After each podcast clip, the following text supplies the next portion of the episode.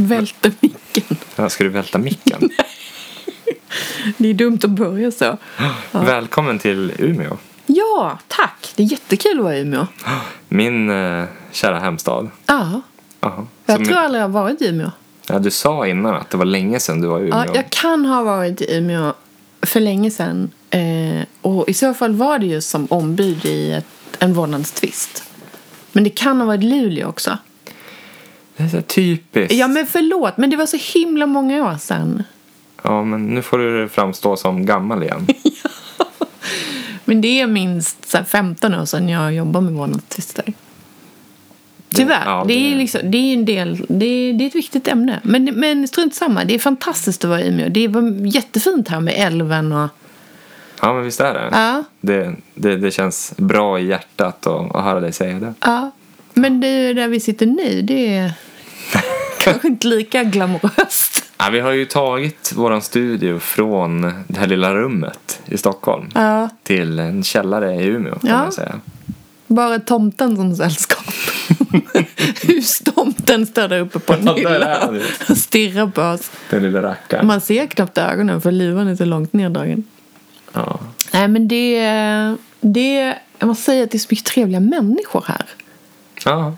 Jag gjorde den reflektionen när vi åt lunch också att det är som att komma till kontoret och alla här bara hej och är så positiva och glada och alla vill hälsa och, och sen när man går ut och äter så är all serveringspersonal jättetrevlig.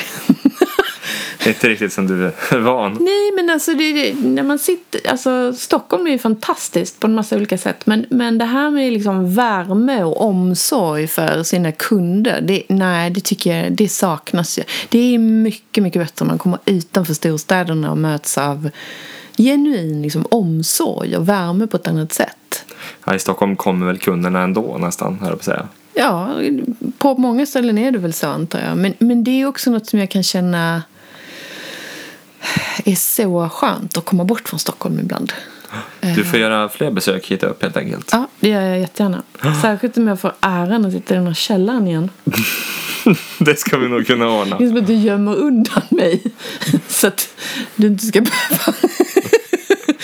ja, nej, jag vet inte. Ja, nej, vi tog ju faktiskt en, en ganska rejäl introduktionsrunda här uppe innan där du fick hälsa på alla medarbetare i, ja. på Umeåkontoret. Ja, det var jätteroligt. Ja. Hur har sommaren varit då? Eh, som för de flesta andra hoppas jag, helt underbar. Varm? Ja, och jag vet att klimatångesten har liksom växt hos i princip alla. Just av att det har varit varmt och det har varit så mycket besvär med, med djur och odlingar. Och... Men, men eh, som semesterfirare kan jag inte låta bli att verkligen njuta av det. Hur har du haft det? Ja men bra. Det har varit eh, mycket som har hänt. Dels, Ja. dels flytt hem till Umeå från Ja. Stockholm. Ja.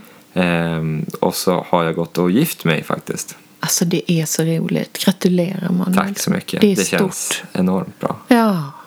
Och ni fick en jättefin dag. Ja, det var, det var helt magiskt. Jag tror både, både min frus och mina förväntningar eh, överträffades rejält. Och då hade vi ändå väldigt höga förväntningar och förhoppningar. Ah. Men det var helt magiskt, verkligen. Vad var det som var bäst? Men jag, jag tror att eh, ja, men just det här minnet som skapades den dagen med att alla var där och alla hade roligt. och Det är ju ytterst sällan man får möjligheten att samla nära och kära på det sättet. Ja. Och liksom att få bära med sig det resten av livet är ju en ynnest. Så jag tror att det är det, framförallt minnet av det hela. Ja. Ja, jätteroligt. Jag är väldigt glad för er skull. Det är en Tack. speciell sak. Ja, men det, du har ju också varit där. Ja, vi valde en annan variant. Vi samlade ju inte alla nära och kära. Men, men samhörigheten och just känslan av en, liksom ett partnerskap, en ny dimension. Nu, nu teamar vi upp liksom. Det fördjupar kärleken ett snäpp till. Ja men verkligen. Det, det känns som att man ytterligare har på något sätt bekräftat kärleken till sin partner. Ja. Och det känns ju jättekonstigt att vi då i samband med att du pratar om allt det här roliga eh, ska prata mycket om skilsmässor och separationer och vårdnadstvister idag. Men, men det är ju ändå så att det är nästan 50 procent av alla äktenskap som, som kraschar. Eh, Och du insinuerar inget här nu? Absolut nej. inte. Nej, bra, nej, bra. nej, nej. Jag tror kanske att ni är, eller jag vet att ni är de andra 50 procenten. Precis som jag själv och min man. Det är klart ni Ja, är. ja. Men det finns ju, eh, jag har ju misslyckats, eller vad man nu ska kalla det, misslyckats vill jag inte säga. Men jag har ju separerat eh, från, från mitt, min sons pappa. Eh, och mina föräldrar separerade ju när jag var liten. Eh, och det här händer ju dagligen. Eh, oss själva eller någon vi känner, våra bästa vänner, våra föräldrar, våra barn som väljer att skilja. Alltså det här finns runt omkring oss hela tiden. Och för mig känns det så angeläget just med barnen. Separationen är en smärtsam process för liksom, älskande par som tappar bort varandra. Men, men barnen som ju inte har någon kontroll över det här som händer. De tycker jag verkligen det känns angeläget att, att skydda och försöka hjälpa föräldrar att hantera på bästa sätt. Ja, men det är jätteviktigt naturligtvis. Ja, Mina föräldrar skildes också när jag var 12, kanske jag var 13. Mm.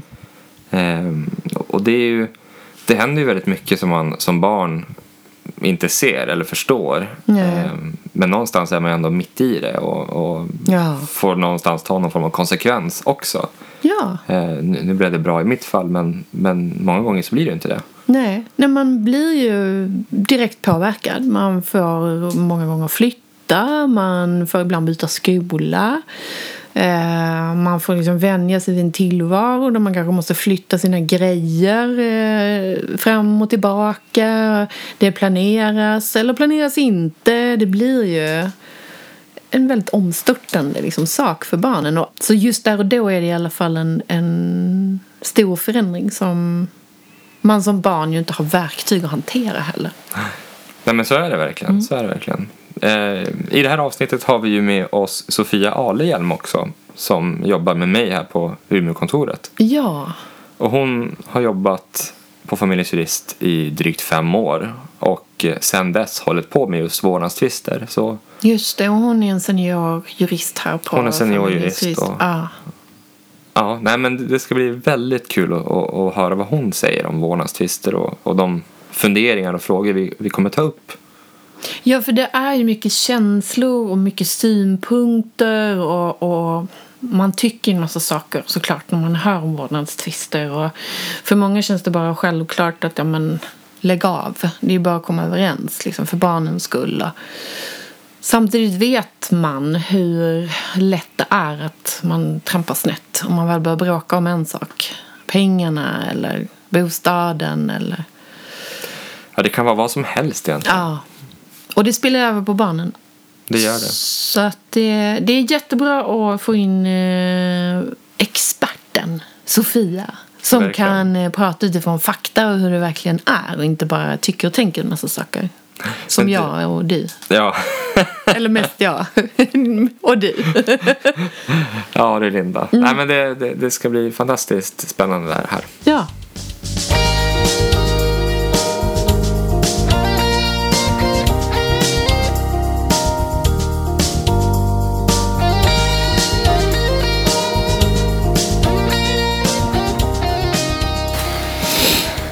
Linda, ett ämne som verkligen berör är ju vårdnadstvister. Ja. Det är jättejobbigt. På vilket sätt tycker du att det Ja, är men det är förenat med så mycket smärta för en familj. Alltså en separation är ju jobbig för alla. Och, och ska det dessutom mynna ut i en vårdnadstvist för att de vuxna då inte kan komma överens. Eh, det är så smärtsamt. Barn som älskar båda sina föräldrar och inte vill välja. De vuxna som fördjupar konflikten och får allt svårare att samarbeta. Ehm, Ja men det är verkligen ett krig som alla förlorar. Vi har faktiskt med oss en kollega idag som heter Sofia Alehjelm. Och du Sofia har ju jobbat under väldigt lång tid med den här typen av frågor. kan du berätta precis. lite grann om det? Ja, det stämmer. Jag jobbar ju eh, främst med vårdnadstvister som ombud i domstol. Och eh, det är inte alltid att det går till domstol. Men eh, jag företräder våra kunder i den typen av ärenden på Familjens Jurist. Hur kan en sån process se ut? Ja, eh, på ganska många olika sätt faktiskt. Eh, det kan antingen vara så att jag som ombud hjälper min klient eh, i att försöka komma överens med den andra parten. Som kanske också har ett ombud, men det är inte alltid att det går till domstol. Eh, sen kan det också vara så att det redan ligger i domstol när eh, processen hos oss börjar, när vi får ärendet till oss. Är det mest män eller mest kvinnor du företräder eller är det blandat? Det är nog ganska 50-50 faktiskt. Ja. Eh, ibland efterfrågas det kvinnligt ombud eh, från kvinnor. Ja. Eh, men det är ganska många män också. De flesta har ju ett ombud. Eh, så det beror ju lite grann på hur många, om det är kvinnor eller män som jobbar med den här typen av frågor. Eh, det är inte alltid att man kan välja. Skulle du känna som ombud att, att det är något speciellt med den här typen av ärenden om du jämför med andra typer av ärenden du har arbetat med? Mm, ja, men det tycker jag nog. Det här är ju en... ehm, det är ett, jag ser det som ett förtroendeuppdrag. Det är ju en eh, fråga som rör det allra viktigaste man har. Eh, och då är det, känns det viktigt att det finns ett förtroende mellan mig och min klient. Att jag känner att jag eh, bygger upp en, en relation kanske på ett annat sätt än på andra ärenden. Eh, det är oftast eh, ganska långa processer. Man har rätt lång handläggningstid i tingsrätt om det är så att det går till domstol. Eh, och ibland blir det överklagat och, och pågår under, det kan vara mer än ett år. Eh, Vad är det att- som gör att det tar så lång tid? Är det, är det att domstolarna har mycket att göra eller är det någon annan? Jag tänker på socialnämnden. Eller varför tar det så lång tid? För det kan ju som du säger hålla på år ut och år in. Ja, det är ju tyvärr så att ehm, jag tror att den främsta anledningen är att det är handläggningstid både i domstol men sen även att man ofta har en utredning eh, som komplement till annan bevisning. Att man från tingsrättens sida vill ha ett bättre underlag inför eh, att man ska fatta ett beslut eh, längre fram då under en huvudförhandling. Så att ofta så genomför man då en, en vårdnad boende eller, eller och umgängesutredning. Lite beroende på vilken typ av fråga man utreder. Eh, och den utredningen ligger till grund för ja, det, det beslutsunderlaget som finns i tingsrätten. Ja, just det. För att när du säger besluta så är det ju så att under en sån här process så kan man ju också få flera beslut. Fler, precis. alltså att det kan komma vid olika tidpunkter och det finns något som heter interimistiskt beslut och så är det slutligt beslut. Då. Precis, det, det, det slutliga beslutet är ju en dom. Ja. Eh, Det ju, kallas ju domslut. Ja. Eh, Men under processens gång så kan man begära att tingsrätten ska fatta ett beslut som kallas interimistiskt beslut. Och det är alltså ett beslut i väntan på slutligt beslut. Alltså i väntan på att man har en huvudförhandling. Så det interimistiska beslutet som tingsrätten fattar det är det som gäller tills, Tills man har en dom. tills man har en dom. Precis. Precis. Så du var lite inne på det, men, men vad är skillnaden egentligen på, på vårdnad, boende och umgänge? För det är ju tre återkommande begrepp i det här. Eh, lite beroende på vilken typ av problematik som finns mellan föräldrarna så är det ju olika. Eh, det kanske är så att man bara eh, egentligen har en konflikt kring hur eh, barnen ska bo. Man är kanske överlag överens om att vårdnaden ska vara gemensam. Man ska alltså gemensamt fatta beslut kring barnet. Eh, Men just när det gäller boendet så är man inte överens om till exempel om det ska vara ett stadigvarande boende hos den ena föräldern. Och det kan ju vara med anledning av att föräldrarna bor med långt avstånd. Så att egentligen så tycker båda föräldrar att den, den andra är en, en bra boendeförälder. Men det avstånden till skola och, och liknande omöjliggör ett växelvis boende. Så, Och växelvis boende det är då barnen spenderar lika mycket tid hos båda. Ja, precis. Oftast Men de måste- veckovis. Ja just det, men de måste man- ändå vara mantalsskrivna hos någon av föräldrarna. Ja, precis. Folkbokföringsadressen är ju hos en. Ja. Eh, vilket egentligen inte har någon direkt påverkan eh, på vem som får fatta beslut eller liknande. Utan det är ju mer dit posten kommer. Och, Ja, precis. För Och det är så- det ju en del som tror att det är liksom viktigt för alltså den som har barnet skriven hos sig. Att det är den som har vårdnad och boende. Men så behöver det absolut inte vara. Nej, och det är ju ingen, ingenting som tingsrätten tar upp som en, en faktor som har betydelse var barnet är skrivet när en, den här typen av process inleds. Så att, eh, och det är inte heller något som tingsrätten kan pröva. Eller som man väljer att ta upp som prövning. Sofia, Mm. Det finns statistik, jag tror den presenterades förra året, där man hade tittat på ökningen av vårdnadstvister i svenska domstolar de senaste tio åren. Det var en ökning på 50 procent. Precis. Vilket är chockerande. Märker du det? Har du sett det? Vad beror det på, tror du? Ehm, jag tror att ökningen av vårdnadstvister ehm, delvis beror på att man, eh, det är fler som separerar nu kanske än förut. Nu vet jag inte exakt hur det såg ut för tio år sedan. Men eh, att det har blivit en fördubbling kan ju ha att göra med att det är jag vet inte, mer lättillgängligt att eh, få, få hjälp av en jurist kanske. Eller att man Ja, jag vet inte riktigt. Det kan också bero på att man inte får samma stöd. Eh, Jag tror att man kan undvika vårdnadstvister om man får hjälp, till exempel genom samarbetssamtal eller liknande. Att man på frivillig väg kan försöka lösa de problem som finns. Eh, Och så försöker ju också jag hjälpa klienter att undvika en vårdnadstvist i domstol. Ja. Till exempel genom att föra förlikningsdiskussioner med den andra parten eller den andra partens ombud. Och förlikning handlar egentligen om att man, man kommer överens. Även om man är i precis. domstol så kommer man överens och då, då meddelar tingsrätten en dom på det man har kommit överens om. Exakt. Ja. Eh, Men, men är det så att man inte har ens en process i domstol så går det ju att skriva en överenskommelse eh, som socialnämnden också kan godkänna. Eh, Så man måste inte gå till domstol för att hitta en lösning. Så de jag, här samarbetssamtalen, de är ju vad jag förstår helt frivilliga. Om, om en av föräldrarna inte vill, då blir det inget. nej, precis. Det, det är ju grundtanken att båda... Man kan ha olika åsikter och olika tankar kring vad som är bäst för barnen eller barnet. Men man måste ju ha en samsyn i att vilja gå dit och, och faktiskt försöka hitta en lösning. Och de kostar ingenting de samtalen heller. eller? Nej, precis. Och det finns i alla kommuner i hela Sverige. Så man får ansöka om att få, få möjlighet att komma. Och det kan ju vara en viss väntetid på det. Ja. Men, det, Men hur, hur går den typen av samtal till egentligen? ja, det, jag tror att det är lite grann beroende på hur problematiken mellan parterna ser ut. Men eh, min erfarenhet är att man blir kallad på möte. Ibland kan det ju finnas en en problematik på så sätt att parterna inte kan träffas. Då kan man ha individuella möten men oftast är det ju då möte mellan eh, föräldrarna och eh, de som handlägger det här ärendet på socialtjänsten. Och då pratar man igenom helt enkelt vilka problem som finns, vad har man för tankar och hur, vad kan man hitta för lösningar.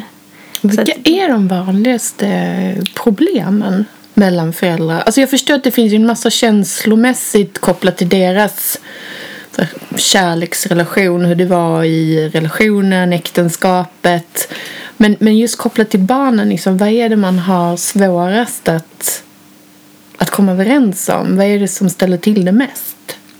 Vad du ser? det, föräldrarna har ju ofta olika syn kring vad som är barnets bästa.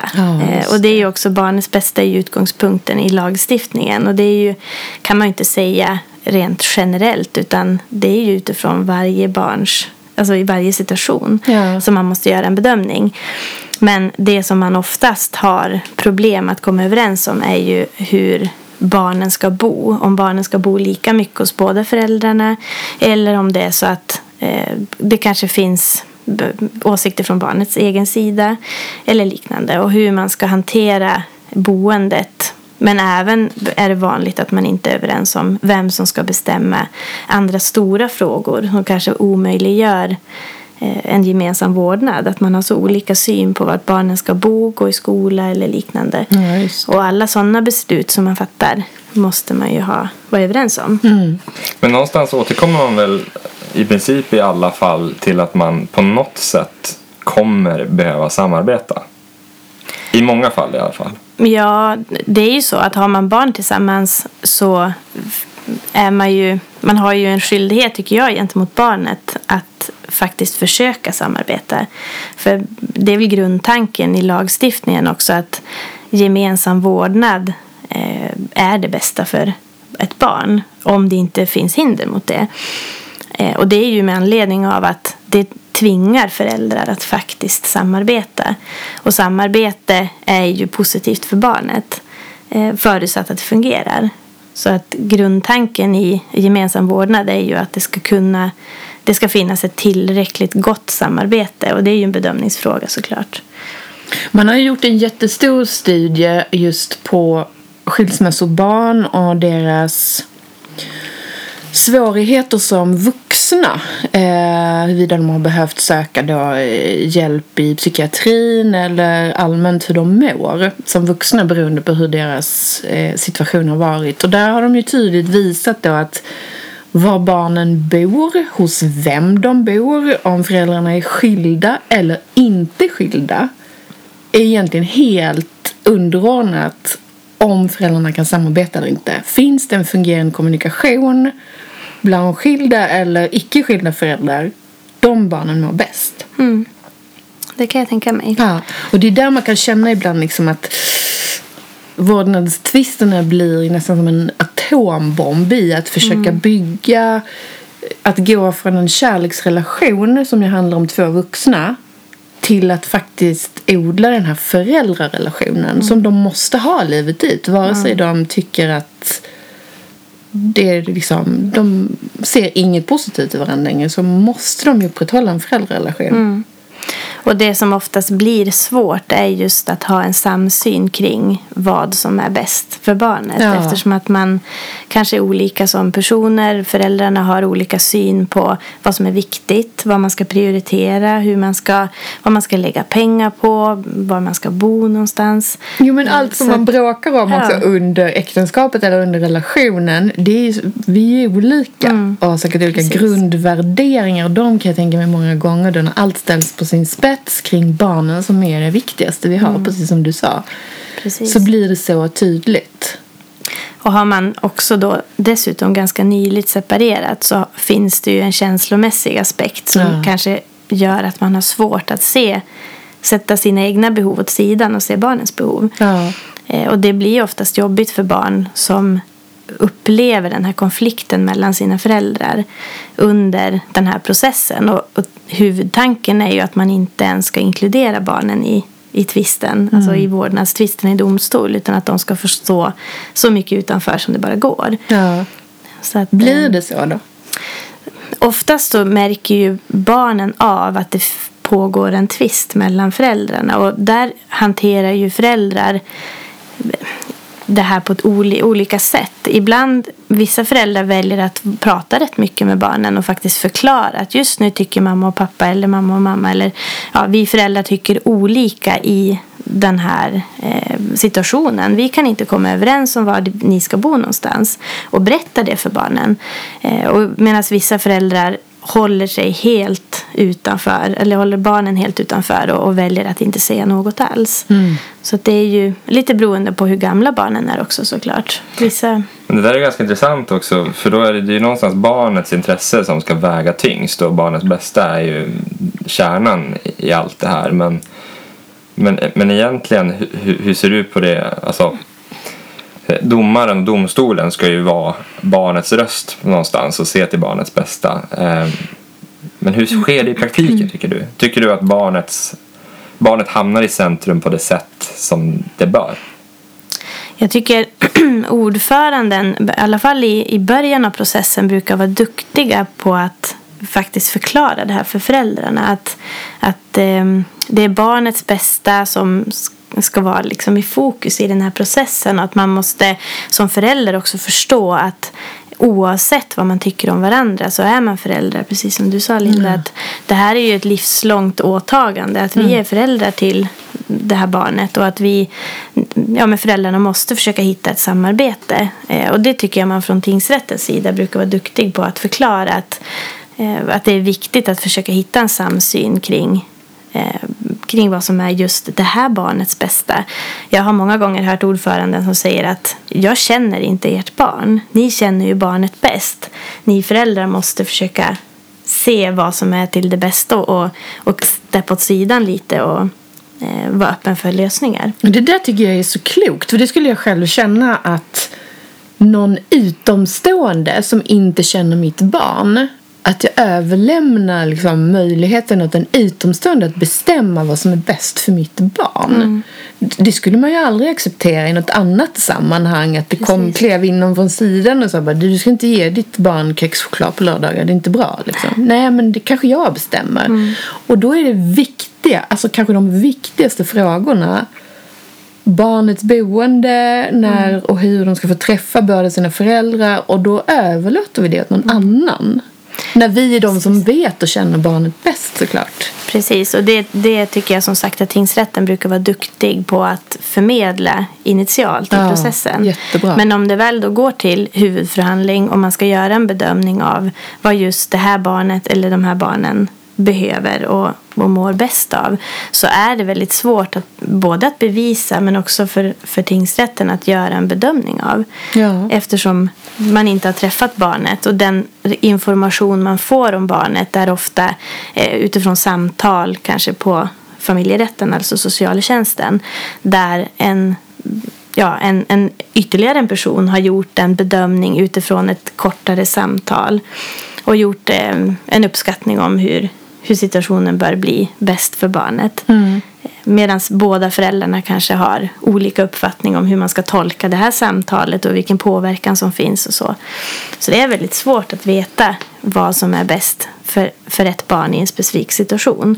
Eh, Så det är klart att om föräldrar själv kan komma överens så är det oftast på sikt bäst för, för barnen också. Men Sofia, där berättar du också att du har ett uppdrag som det heter medlare. Mm. Och det är en annan väg då som föräldrar kan välja. Om de nu är i domstol och- en tvist så kan de ändå välja en annan väg. Mm. Precis, innan man eh, går till domstol kan man ju som vi nämnde tidigare välja att gå på samarbetssamtal, alltså Ja. frivilliga samtal. Men från tingsrätten så kan man också som ett nästa steg istället för att gå till huvudförhandling så kan man också gå på samarbetssamtal därifrån. Och sen finns det också möjlighet att tingsrätten förordnar att en jurist tar sig an ett uppdrag som medlare och den typen av, av ärenden har jag Men det också. kräver att, att båda liksom, parterna i målet vill det eller kan tingsrätten bara bestämma att nu gör vi så? Ja, oftast är det här en lösning som diskuteras från, det är ju en, en frivillig Ja. väg att gå. Okej. Eh, Men ofta så diskuteras det ju tillsammans med sina ombud och där hjälper ju ombuden till att göra en bedömning av om det är en framkomlig väg eller inte. Ja. Och som medlare har man då ett uppdrag att kanske på ett lite lite lättare sätt kunna kanske förklara den juridiska processen. Mm. Eh, när man går på samarbetssamtal så är det ju inte jurister som håller i samtalen. Nej. Så att som medlare upplever jag att jag har en lite friare roll att kanske uppskatta och hjälpa de här föräldrarna att hitta en lösning med lite mer juridiskt perspektiv. Eh, där man kanske förklarar hur en sån här process går till och vilka fördelar det finns att hitta en överenskommelse. Kan man där som medlare också ge liksom, föräldrarna en hint om var man tror att det slutar? Alltså vad domstolen kommer att ta för beslut? För menar, det finns ju en praxis och det finns lagar och regler som gör att att man som jurist kanske ändå har en lite bättre känsla för Mm. hur det kommer att gå. Kan man synliggöra den då för att sätta också press på Det kan man föräldrarna ju. att faktiskt enas, tänker jag. För om en förstår att jag kommer ju att förlora det här, då kanske man är mer villig att... Precis, det är ju upp till varje medlare då att göra en bedömning av Ja. vad man kan säga och, och vad som kanske är uppenbart och inte. Och det är alltid svårt, på samma sätt som det är svårt för tingsrätten att göra en bedömning av barnets bästa när man inte har träffat barnet så är det ju samma sak i rollen som medlare. Eh, man får ju en uppfattning men man kan ju mer bara vara råd, bara ett, råd då, Ja. ett bra tips att här, här skulle det vara bra att testa det här kanske. Ja. Men eh, tanken är ju inte att det är medlaren som ska fatta ett beslut utan mer att förklara, ja, men försöka få föräldrarna själva att komma till insikt Men kring... det där jag tänker, du är mycket friare då som medlare. än Sitter du som domare eller ordförande i ett mål, då kan du ju kanske inte på samma sätt vara tydlig med... Precis, då ska man ju förhålla sig objektiv. Ja, precis. Och det, som medlare så kan du ju vara lite, ja, du kan ta det lite längre steg kring just det här att vara styrande eh, för att hitta en lösning. Där försöker jag på samma sätt som, som tingsrätten har, en, har barnets bästa som grund. Försöker även jag som medlare eh, ja, men tänka på barnets situation Ja. eh, på sikt och förklara den för föräldrarna också.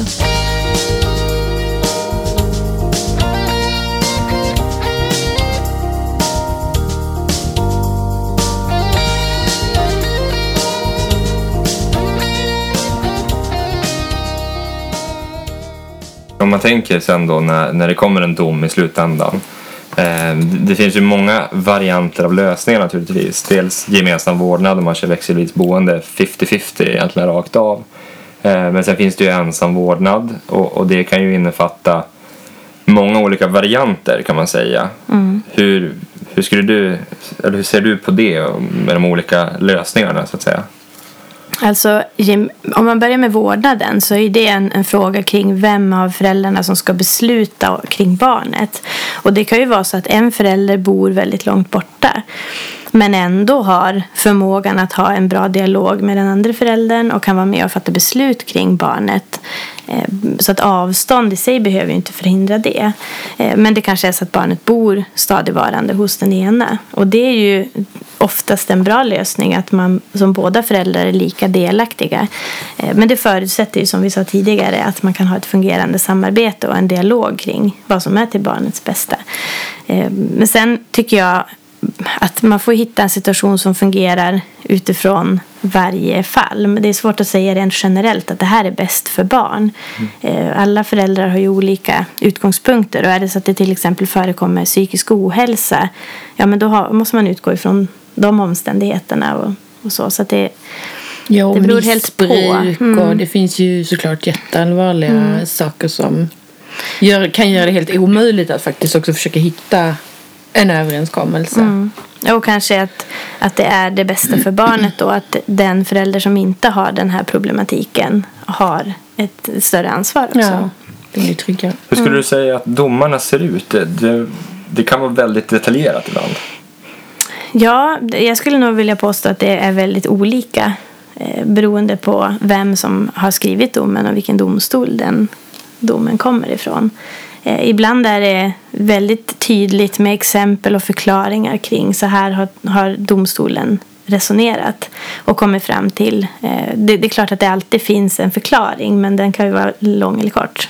Men jag tänker också att det står uttryckligen att ja, men, vecka ett ska barnet vara hos sin mamma i Mm. Just det. fem dagar och så sen vecka två ska den till sin andra förälder i, Precis. i någon dag och sådär. Eh, Och det grundas ju på de yrkanden som har lagts fram. Så att är man eh, tydlig och specifik i sitt yrkande då får man ju en tydlig och specifik dom. Eh, mest troligt. Eh, så att det är lite beroende på karaktären av målet. Det Är är det så att, väl också för att den ska vara verkställbar. Precis. Att man ska kunna tvinga liksom fram. precis. Det, man, kan inte, man kan inte i ett domslut få in sådant som man inte kan göra en bedömning av längre fram. Till exempel att man vill ehm, jag menar att det vid, om det passar så, så ska barnet befinna sig på semester den här veckan nästa år. Utan det ska ju vara konkret. Att det här är det som man kan komma fram till idag är till barnets bästa. Om solen skiner kommer barnet vara på Gotland. Om det är dåligt väder så blir det Det är inte så verkställbart. Nej, jag förstår. Nej. Menar du att det alltid är dåligt väder i Göteborg? nu? skulle jag inte våga säga, men... ja. Men, men jag tänker, Sofia... ehm, finns det någonting som... Jag menar, finns det någonting vi behöver ändra? Vi måste ju rimligtvis liksom få ner vårdnadstvisterna. Vi är ju överens om, jag tror alla samhällsfunktioner, alla, om, om vi jobbar på socialnämnden, om vi är jurister, om vi är föräldrar, om vi är barn, om vi jobbar på domstol, så är vi alla överens om att vi vill ju helst inte ha den typen av tvister. Nej. Eh, och, och jag vet att man tittar på lite olika förslag på hur man ska göra. Eh, bland annat ett om att de här samarbetssamtalen som idag är frivilliga, att man ska göra dem obligatoriska innan man får chans att gå till domstol. Vad tänker du om det? Men jag tror också att man skulle minska antalet vårdnadstvister om det fanns bättre stöttning för föräldrar i att försöka hitta överenskommelser. Eh, Ibland kan jag förhindra en vårdnadstvist genom att ta en kontakt med den andra parten och kanske förklara att ja, men, du har missförstått situationen eller att min klient kanske har uttryckt sig. Det, det kan ju vara mycket känslor som påverkar. Att man, man, liksom block, man är blockad gentemot varandra att hitta en lösning. Eh, och då är det ju dumt att ta det till domstol om det är så att det går att hitta en, en lösning i tidigt skede. Men jag tror att skulle man ha ett bättre samarbete i samhället där man liksom fångar upp barn som far illa, där man har en, ja men där socialtjänsten kan hjälpa till på olika sätt så tror jag också att man kan stötta både föräldrar och barn eh, och förhindra att det behöver gå så långt. Ja. Eh, Just samarbetssamtal är ett bra exempel på eh, ja, men där man försöker lösa konflikter på ett, på ett sätt där man inte inkluderar rättsväsendet. Nej, precis. Så det, det tror jag skulle vara till fördel för, för statistiken i vart fall. Men det, är ju, det fungerar ju relativt bra idag som jag förstår det. Men det gäller ju att man får föräldrar att faktiskt ta det steget att söka hjälp. Ja. Och det gäller ju även familjerådgivning och andra typer av insatser som man kan ta till hjälp om man... Just tidiga insatser är min erfarenhet att, att ju tidigare man kan liksom komma överens och, och då pratar jag egentligen från det att man börjar fundera på att separera. Att redan där försöka lösa liksom så mycket som möjligt. För att har du väl liksom hamnat i bråk om huset eller bostaden så är det så väldigt lätt att det bara fortsätter att spilla över och till slut sitter man också där med en, en jät- ett jättebråk kring allting. Så just att tidigt söka hjälp är väl... Precis. Det tror jag också skulle vara... eh, Men det handlar ju om en medvetenhet också då om vilken typ av hjälp man kan Få, få, och att ja. man också vågar ta det steget. Ja. Ehm, Men, vad skulle det, du ge dem för råd då? Föräldrar som sitter och funderar på eller har tagit beslut eller är mitt uppe i liksom en separation med barn. Mm. Vad blir dina råd till dem? Alltså rådet är ju såklart att, att prata mycket först och främst med varandra och se om man kan hitta en samsyn kring barnen och försöka sätta sina egna personliga, eller den, den konflikten mellan föräldrarna åt sidan eh, och, och landa i förståelsen kring att, att man har barn tillsammans och att man har ett gemensamt ansvar att, att se till att det blir så bra som möjligt för barnen. För alla föräldrar vill ju sina barn det bästa. Ja. Sen har man bara olika syn på vad som är det bästa. Ja. Så att, att prata mycket eh, och att faktiskt ta hjälp från professionella eh, tror jag undviker många konflikter. Det har jag tänkt ibland att man borde liksom ha en, en chans att få träffa både en kanske parterapeut Mm. och en jurist samtidigt. Så att man kan liksom bena upp det här är saker ni måste bestämma er om rent juridiskt. Och här är terapeuten som kan hjälpa er. ni ska komma överens. Precis. Ja men någonting som stöttar. Mm. För jag tror precis som du. Alla föräldrar vill ju göra bra för sina Mm. barn. Är det någonting vi sliter med idag så är det ju att göra det bästa för våra barn. Vi är så ängsliga att göra fel så vi nästan gör fel Mm. av det skälet. Och problemet också om det går till domstol så blir det en annan karaktär på konflikten. Det blir Ja. ofta långdraget och väldigt, väldigt konfliktfyllt. Att från att man kanske ändå har haft en känsla av att det här kan vi lösa så, så upplever jag att många ger upp och att det blir krig istället för att alltså man tappar fokus på barnet och så blir det, det blir så prestigefyllt också att hitta eh, ja, men hitta fel hos varandra. För vår, vårdnadstvister är ju bevisföringen är ju oftast ganska tråkig. Ja. Man, man ska försöka visa att man själv är den bästa föräldern. Eh, vilket ju kan vara ganska svårt. Så att det man gör då är att visa att den andra är minsann en väldigt dålig förälder.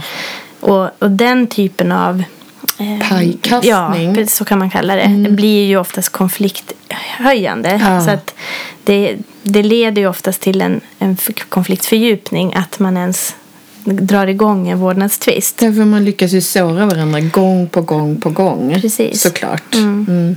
Och där, där hamnar ju barnet i kläm eftersom att när det blir ökad konflikt mellan föräldrarna så blir det ännu svårare att samarbeta.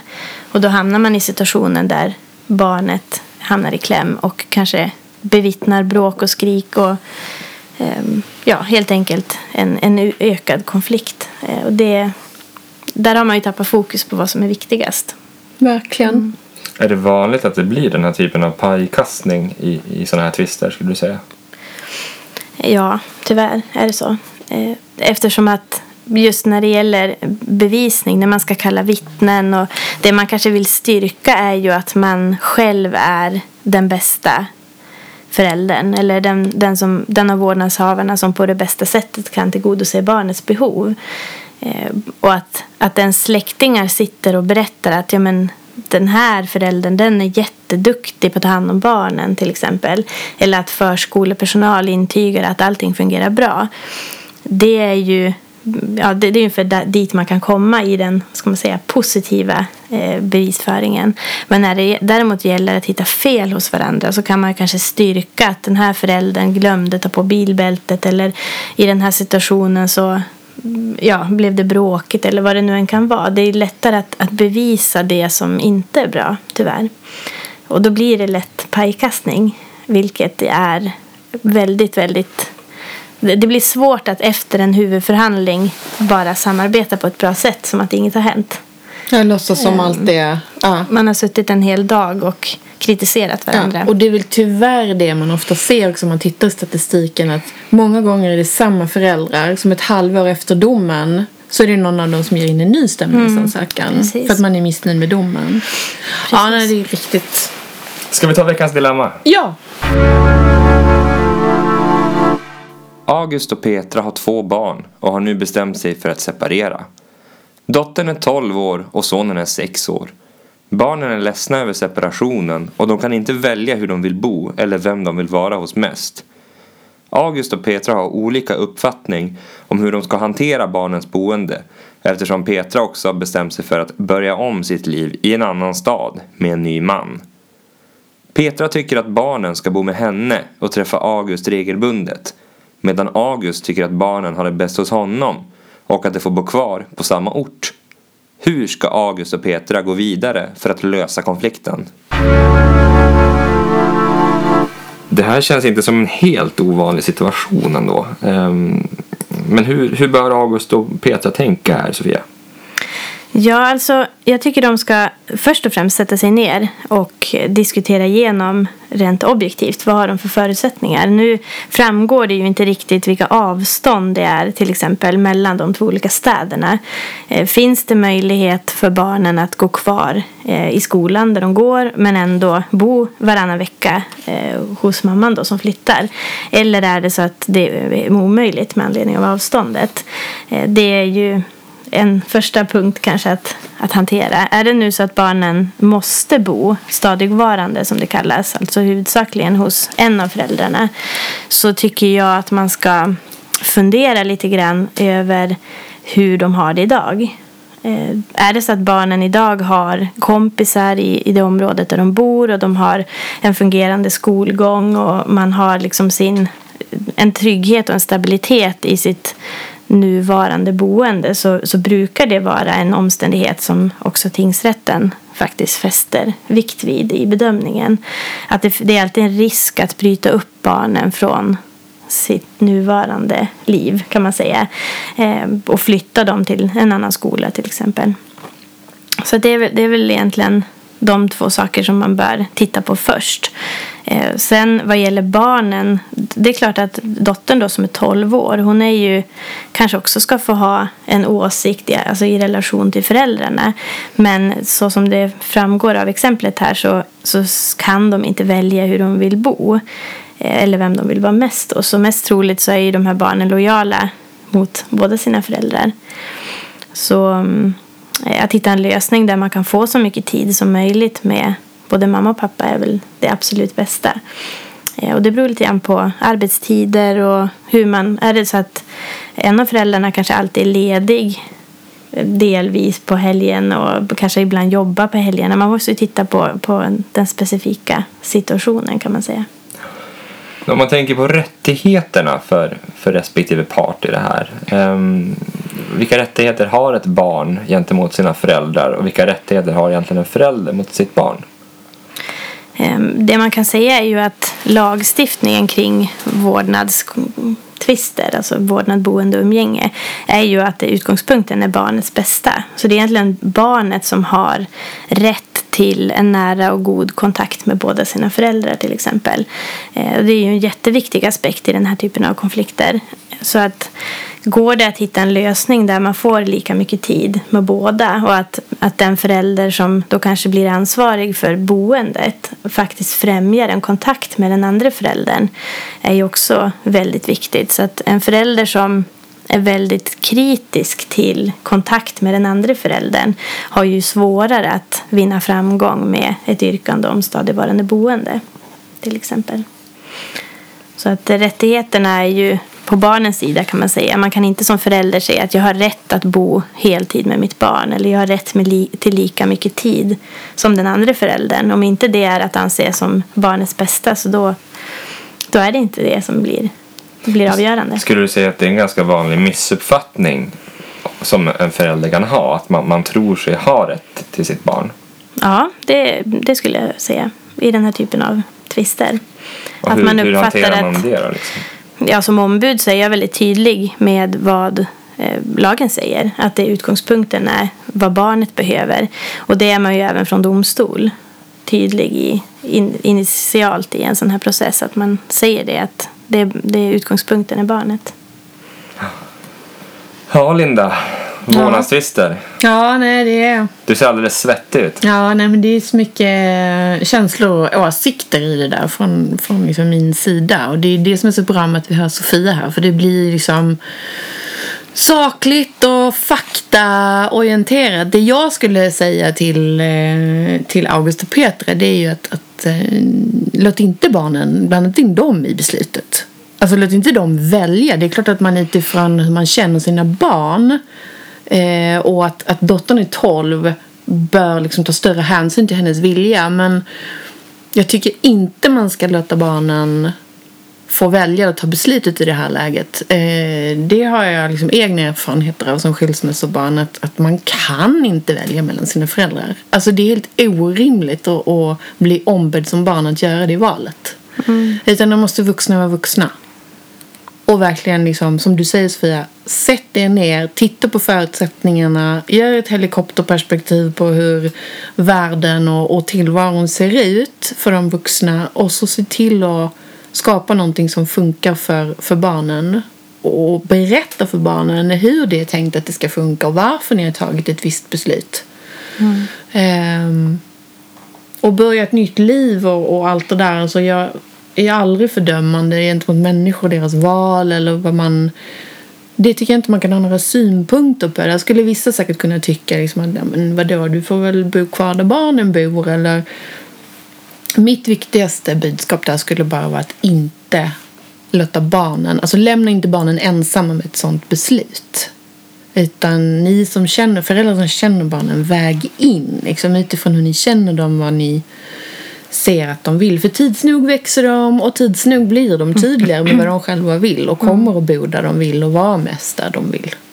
Det är stor skillnad att låta barnen bestämma och att sätta barnets behov i främsta Precis. rummet. Och det, den bedömningen bör ju vara eh, gjord av den vuxne. Ah. Att man tillsammans hittar en lösning som är eh, utifrån ett vuxenperspektiv till barnets bästa. Ah. För barnen själva har ju andra liksom, kriterier kring vad som blir bäst för dem. Det kan ju vara kring regler eller tv-spel eller sånt som de tycker är väldigt viktiga för stunden. Men de har ju inte heller en förståelse för, för framtiden och vad som Nej. blir bäst på sikt. Nej. Ja, men jättespännande. Tack så mycket för att du var med oss, Sofia. Tack själva. Ja, jättekul att ha dig med.